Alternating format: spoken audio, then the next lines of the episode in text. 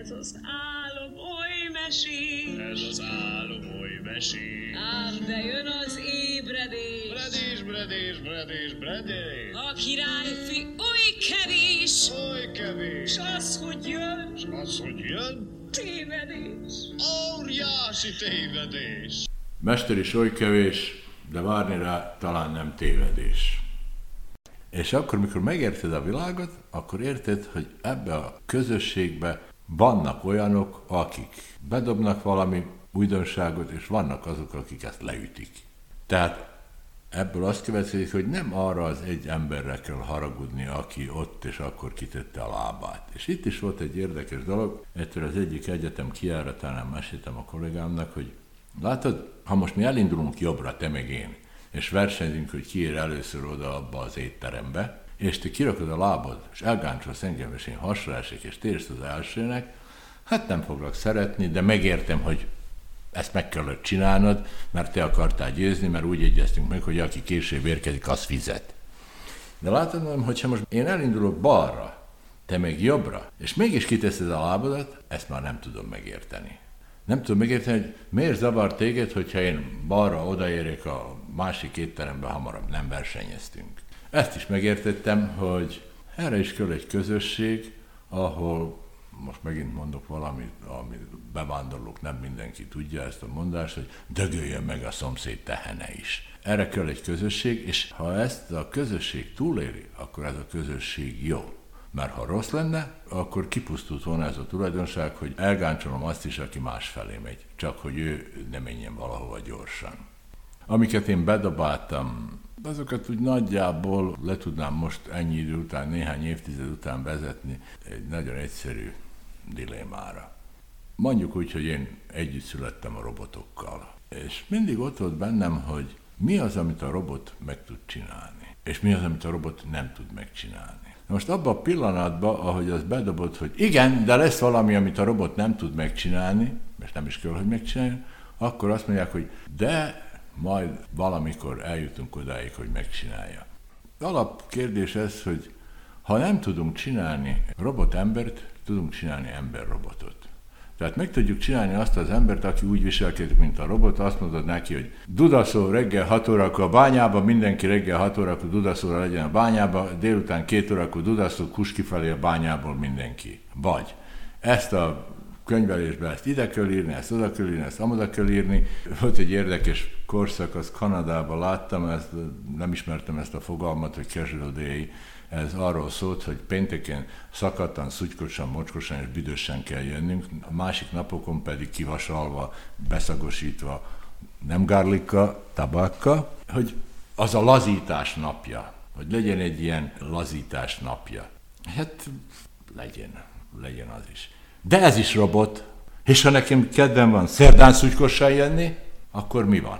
Ezt majd odaszól valaki, hogy ma nyakkendő, pénteken day, tehát nyakkendő nélkül jössz. Én nem őrá haragszok most már. Akkor nagyon haragudtam egy ilyenre, hogy azt mondta, hogy úristen, most ezen a fogadáson nem jöttél szaloncipőbe, vagy mit amire én azért vigyáztam, hogy ne úgy legyen. Egyszerűen ő odaszólt, és akkor őre haragudtam. Most nem őre haragszok, hanem azt mondom, ebbe a közösségbe megcsinálták azt a embert, aki úgy viselkedik, mint a robot. De nem tudták megcsinálni azt a robotot, aki verseket tud írni, drámákat tud írni, hogy hogy tud szeretkezni, és hogy tudnak bele szerelmesek lenni, azt még el is tudom képzelni, hogy azt megcsinálja. De biztos másképp fog udvarolni, biztos másképp fog átadni egy piros rózsát a hölgynek, a robot, mint az ember. Sokféle átadása van a piros rózsának. El tudom képzelni, hogy 100 millió piros rózsa átadásra megtanítsák a robotot, de egyszer lehet egy csaj, aki a 101 millió mozik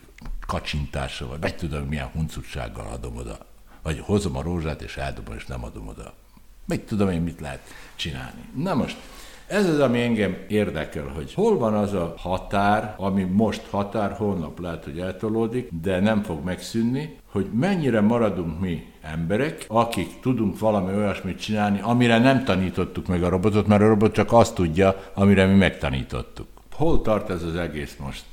van egy vitám most azekkel, a, akik nem mondom, hogy csinálják, azt sem mondom, hogy szimpatizánsok, ott sündörögnek önvezető autók körül. Nekem úgy, amúgy is az autó nem egy fontos találmány, nincs viszonyom az autóval, de ezek az önvezető autók úgy elgondolkodtatnak. Van, aki azt mondja, hogy jaj, imádok autót vezetni, van, aki utálja. Én amíg vezettem autót, én a másodikba tartoztam, megcsináltam, már meg kellett csinálni, mert gyorsabb, mert fáradékony voltam, és gyalog nem lehetett annyit menni. De nem volt az, hogy új, most izgalomba vagyok, és elérvezek, hú, most ez az autó, meg amaz az autó.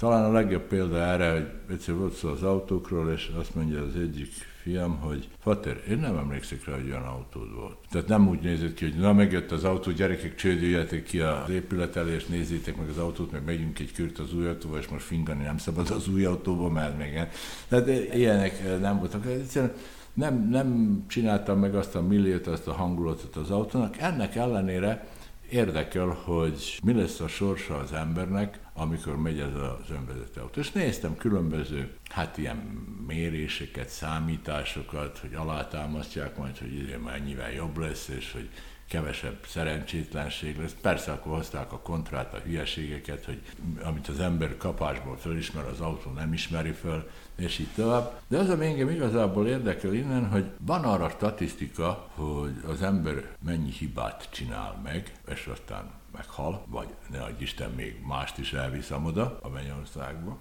vagy a pokolba, attól függ, mi jár neki, de egy dolgot nem tudtak fölmérni. Hány nagyon nehéz helyzetből tudta az ember kihúzni magát és megmenteni magát. Na most én azt mondom, hogy hát ha be akarjátok mutatni, hogy a robotautó, az önvezető autó nem csinálja meg a hibákat, amit az ember megcsinált, például nem alszik el, és hogy ennyi halálos áldozata volt annak, mikor elaludtak, de nem tudják megmutatni nekem, hogy hányszor volt olyan helyzetben az ember a közlekedés miatt, többiek miatt, hogy csak ő tudta ezt megoldani, és le se tudja írni, és meg se tudjuk találni azokat az embereket, akik egyszer-kétszer megúzták valami olyan trükkel, ami csak úgy összejött neki.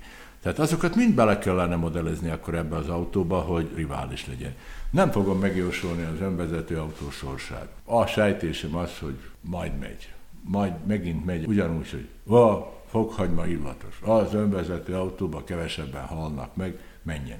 Lehet, hogy úgy is van, ennek ellenére egy fene gyerek ebbe is valamennyire beleköthet. Úgy is mondhatnám, hogy ezek ilyen eretnek gondolatok. Tehát nem találsz minden sarkon ilyen gondolatot. Hogy tetszik valakinek, nem tetszik, figyeli ezt, végighallgatja, vagy két perc után elzárja ezt a bemutatkozásomat, az most nekem teljesen mindegy. Nagyon sokszor voltak ilyen támadások, most már teljesen mindegy, honnan jönnek. Tudom, látom, érzem, hogy innen jön a támadás, de nem érdekel, mert ha azt mondom, hogy valami gond van ezzel, akkor gond van a társadalommal, aki megengedi, hogy ilyesmibe gáncsoskodjon. És akkor elkezdték piszkálni ezeket az eretnek gondolatokat, és igazából nem jutottak túl messzire, mert az, amivel piszkálták, ami mögötte volt, a régi elképzelés, azt se ismerték. Tehát úgy kell mondani, hogy én olvastam azokat a könyveket is, akik nagyon komolyan veszik a statisztikát, és megmutatják, hogy ez az jobb. Tehát nem bír elkapni engem azon, hogy most teljesen zöldfülű vagyok abból a statisztikában, és akkor valahogy leálltak ezzel. És ilyesmiről írogattam, ahogy mondják, egy hiány húsz könyvet, és mikor megnéztem ezeket a szófelhőket, hogy